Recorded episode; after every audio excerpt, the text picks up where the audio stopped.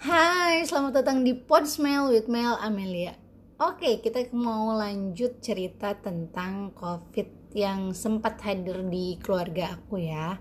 Jadi kita masuk di hari Senin, itu akhirnya Babab memutuskan untuk rapid test di salah satu klinik di Bengkulu dan e, ketentuannya itu kalau misalkan seandainya hasil rapid testnya Babab itu positif, maka sudah pasti seluruh keluarga yang memang tinggal bareng nih kita berlima uh, harus swab test juga gitu kan harus rapid juga. Akhirnya udahlah bapak melakukan rapid dan ternyata hasilnya itu positif wah itu benar-benar kaget sih. Begitu tahu wah positif nggak nyangka gitu kan. Karena sebelumnya berpikir ah nggak mungkin lah karena benar-benar udah jaga prokes banget gitu. Terus udah gitu juga mungkin kita masih positif tinggi yang kemarin-kemarin sakit itu hanya masuk angin biasa aja gitu. Tapi ternyata positif ya sudah.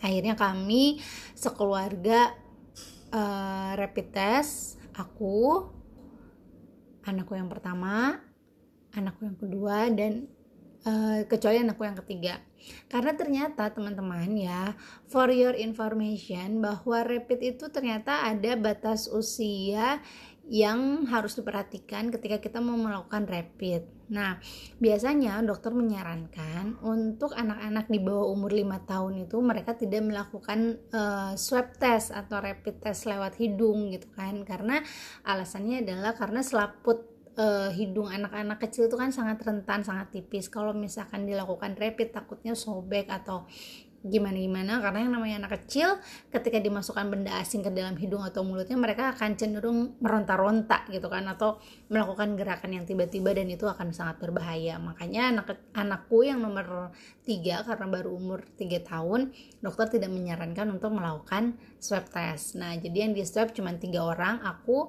anakku yang pertama dan anakku yang kedua.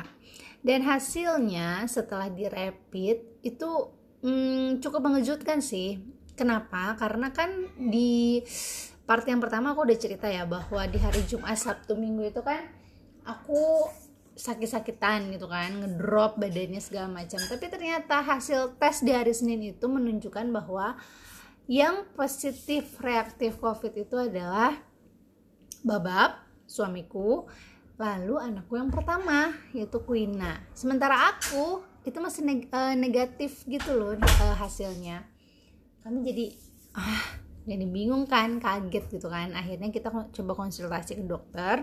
Dan kata dokter mungkin kalau anak-anak kenapa bisa langsung terdeteksi reaktif positif? Karena uh, kecenderungan uh, merespon virusnya itu lebih cepat dibandingkan orang dewasa seperti itu. Tapi juga selain itu juga sebenarnya mereka punya daya tahan atau imun juga yang sangat kuat sebenarnya untuk menangkal itu. Karena memang kalau misalkan dibandingkan antara imun orang dewasa dan anak kecil itu uh, sebenarnya anak kecil punya imun yang lebih kuat karena kan mereka kan gak banyak pikiran gak banyak masalah terus udah gitu juga belum punya komorbid komorbid yang lain gitu kan ya.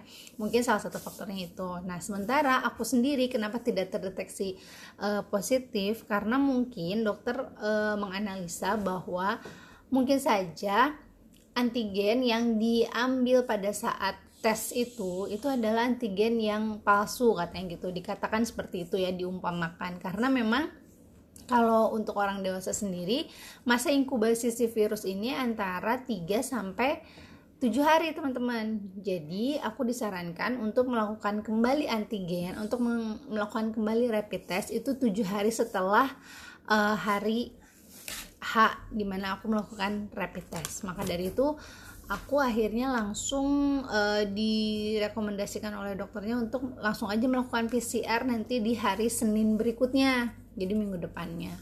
Oke deh, akhirnya di situ setelah semuanya ketahuan siapa yang positif, siapa yang negatif dan kita lebih memilih untuk melakukan isoman terlebih dahulu karena memang kondisinya sebenarnya tidak mengkhawatirkan sih karena Babab masih bisa beraktivitas sebenarnya hanya saja mungkin badannya kadang-kadang agak lemas gitu kan kayak gitu. Terus udah gitu juga nafasnya nggak sesak sebenarnya hanya penciumannya saja yang hilang seperti itu. Jadi akhirnya ya udah kami istirahat isoman di rumah.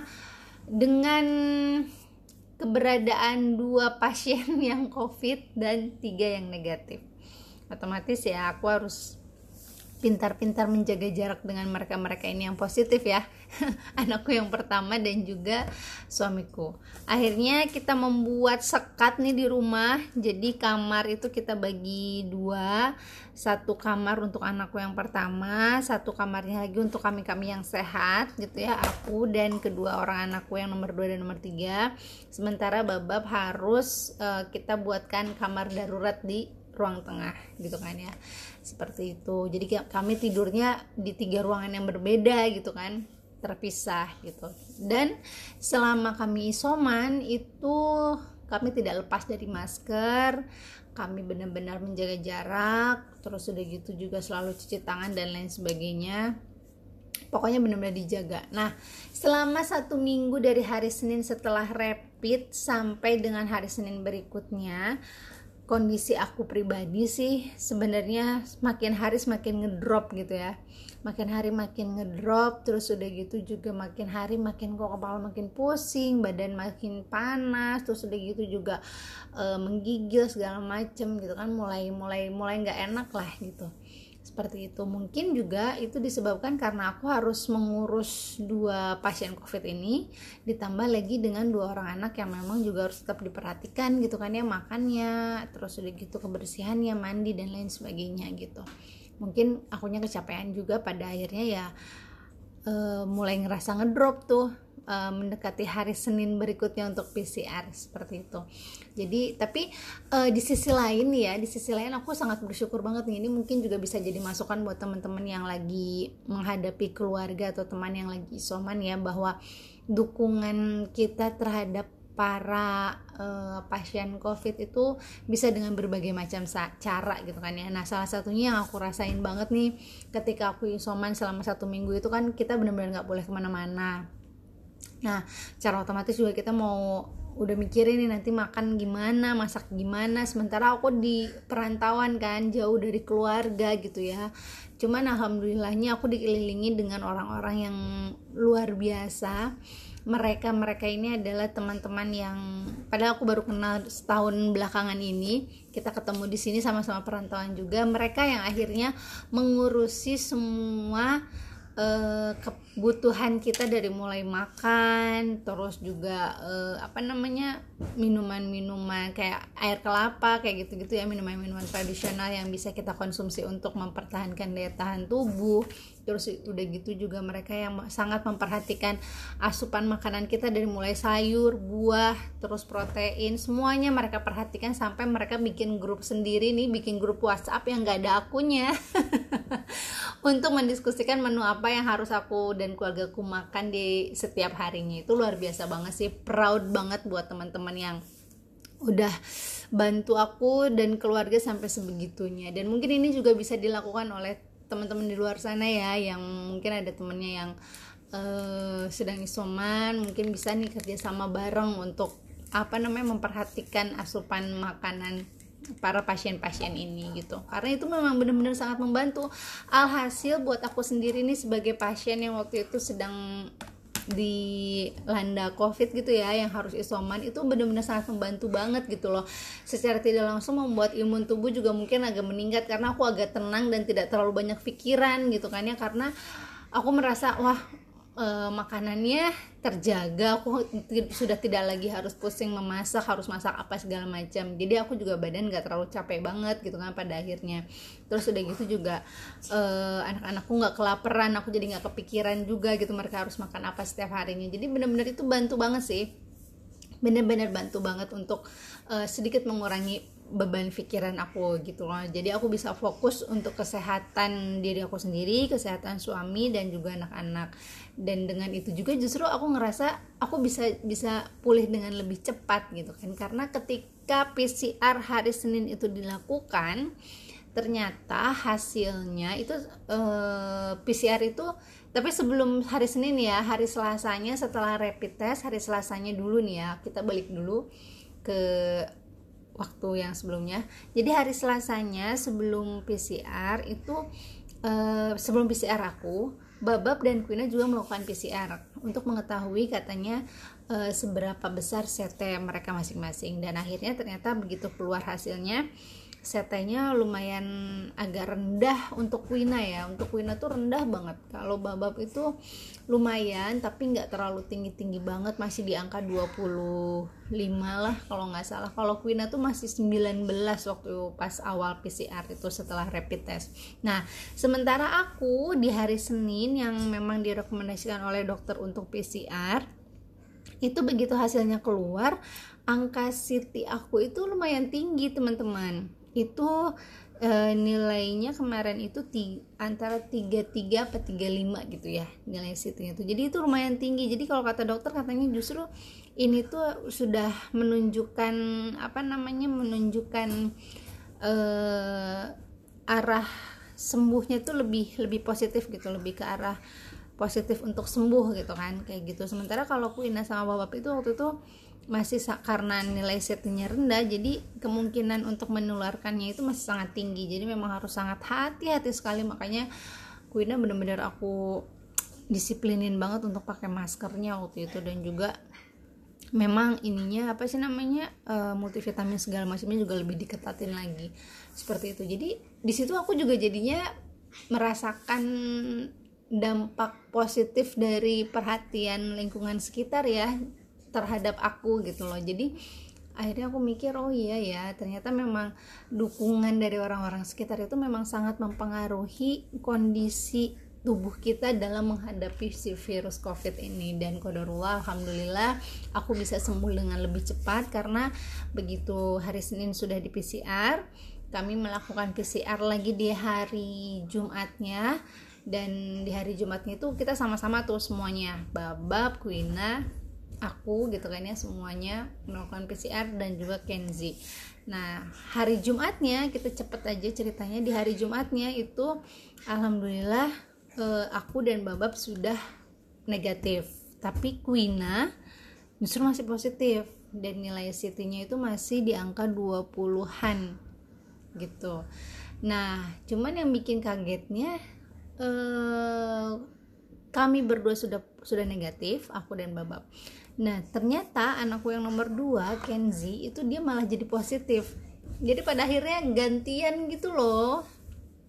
Kita tuh kena covidnya. Memang tidak langsung brek gitu berbarengan satu keluarga cuman gantian dan itu cukup cukup jadinya melelahkan ya. Maksudnya ya Allah gitu kan ya di minggu kedua ini baru aja kita selesai mak. Begitu kita mau masuk ke minggu yang ketiga untuk isolasi mandiri kok malah anak kita yang nomor dua yang kena? Pada akhirnya ya udah gitu kan kita isoman lagi dan dukungan dari teman-teman itu luar biasa sampai dengan minggu ketiga Kenzi dinyatakan positif pun mereka masih perhatian dengan mengirimkan banyak makanan dan lain sebagainya karena aku masih belum boleh keluar juga kan seperti itu.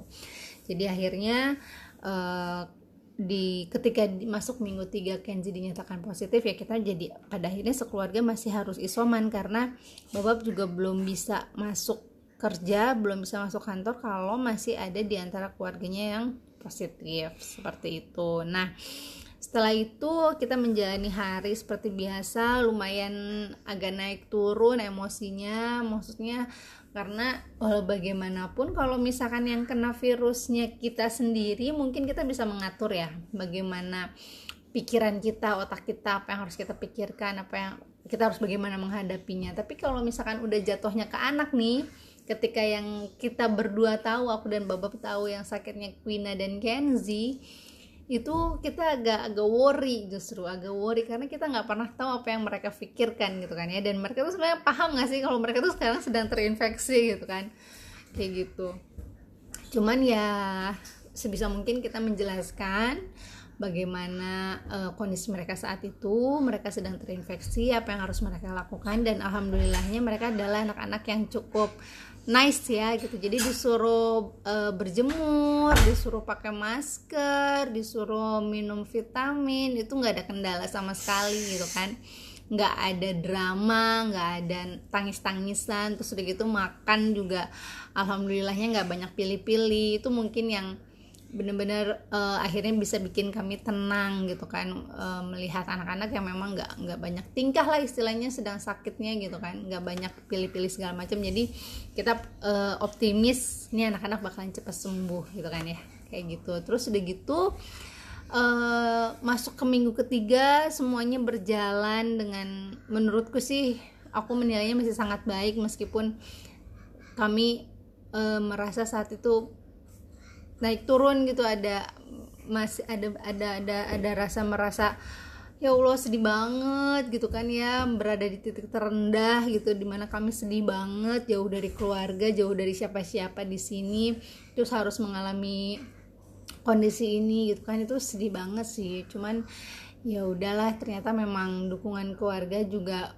kami tetap butuhkan lewat doa gitu kan seperti itu jadinya ya ya sudah kita jalani saja akhirnya gitu kan dengan juga dukungan dari teman-teman yang masya Allah luar biasa sekali. Jadi teman-teman sebenarnya eh, dari yang aku pelajari selama tiga minggu gitu ya tiga minggu terakhir eh, kita positif covid gitu dan di keluarga dan anak-anak juga positif covid itu sebenarnya hal yang paling penting yang kita rasakan hal yang paling berarti yang kita rasakan sebagai pasien itu bukan hanya ucapan semangat ya nggak hanya itu tapi juga doa terus juga dukungan secara eh, apa namanya secara dengan tidak tidak tidak mengasingkan saja maksudnya tidak tidak seolah-olah uh, covid itu di, seperti aib saja itu buat kita tuh udah benar-benar membantu banget untuk kesembuhan kita gitu. Karena kan ada ya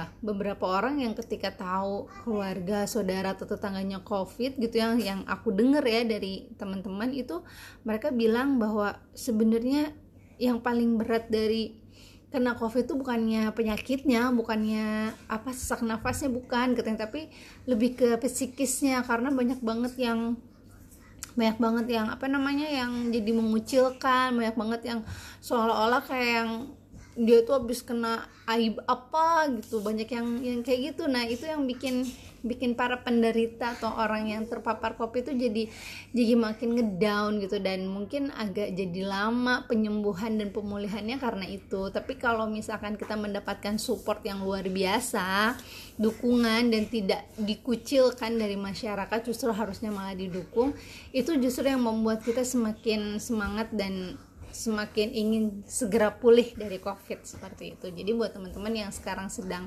mungkin ada yang sedang terpapar mudah-mudahan tetap semangat. Kamu nggak sendirian. Doa kami selalu menyertai kalian yang sedang terpapar. Semoga cepat sembuh dan juga terangkat segala penyakit dan rasa sakitnya. Insya Allah kita bisa sama-sama menghadapi pandemi ini dengan baik dengan tetap menjaga prokes ya protokol kesehatan dengan tetap berdoa juga dan uh, saling mendukung satu sama lain. Karena hanya itu sebenarnya yang yang yang dibutuhkan untuk membangun mental dan psikis para uh, pasien yang terpapar covid gitu ya.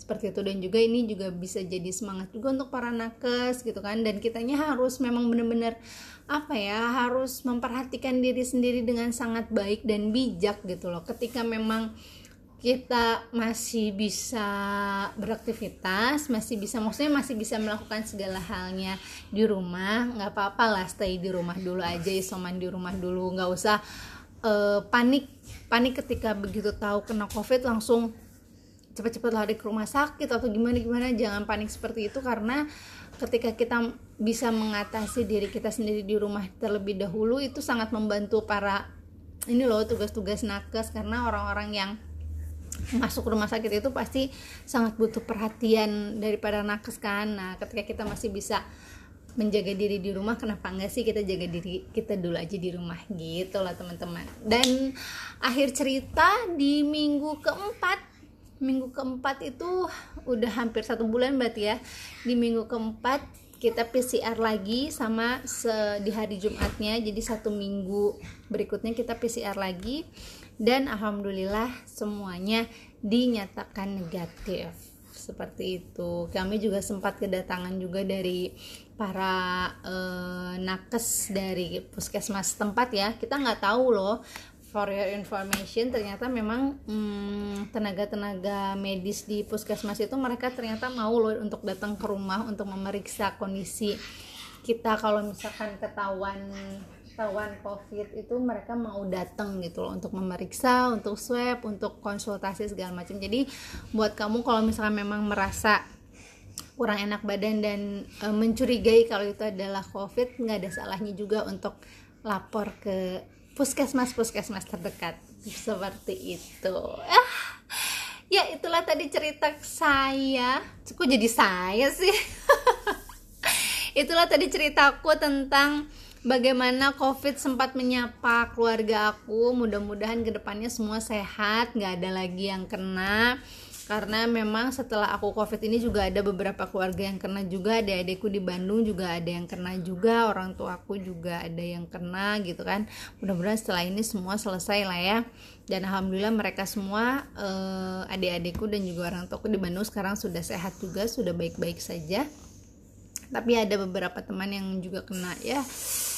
Memang mengerikan sekali sih kalau mendengar berita-berita di luar sana dan juga melihat story teman-teman gitu ya atau enggak hmm, apa namanya uh, status WhatsApp gitu isinya tuh Masya Allah semuanya tentang covid covid covid covid. Dan yang paling yang paling bikin miris gitu ya dan ironisnya itu adalah aku itu sering banget baca story Innalillahi wa inna ilaihi rajiun. Aduh, ya Allah, itu sedih banget sih. Jadi aku ngerasa kok jadi the most popular popular status saat ini tuh innalillahi wa inna ilaihi rajiun gitu karena memang banyak banget ternyata sekarang orang-orang yang kita kenal atau orang-orang circle kita yang terpapar bahkan sampai meninggal karena covid mudah-mudahan kita semua bisa tetap jaga diri ya. Sehat-sehat semua uh, stay safe. Kalau nggak ada keperluan apa apa mending di rumah aja. Ketika ketika um, harus keluar dan itu adalah hal yang memang sangat penting banget. Jangan lupa untuk menjaga protokol kesehatannya. Supaya kita semua tetap sehat dan pandemi ini segera ber, berlalu. Dan juga aku mau mengingatkan bukan mengingatkan ya menghimbau juga kepada kalian yang mungkin dapat kesempatan untuk vaksin vaksin. Untuk vaksin segeralah vaksin karena itu menjaga tubuh kita untuk kalaupun memang terkena atau terpapar virus ini kita tuh nggak sampai ngedrop banget. Jadi teman-teman jangan sampai salah kaprah ya. Kalau vaksin itu bukan untuk e, menangkal virus sehingga kita kebal terhadap virus itu sebenarnya enggak. Karena aku kemarin dijelaskan oleh dokter dari puskesmas yang datang ke sini untuk memantau keadaan Kuina itu karena kan sampai sampai minggu keempat itu sebelum kita dinyatakan negatif itu hari Seninnya eh, nakes kan datang dari puskesmas ke rumah kita dan memantau keadaan Kuina. Kuina kan masih positif kan gitu.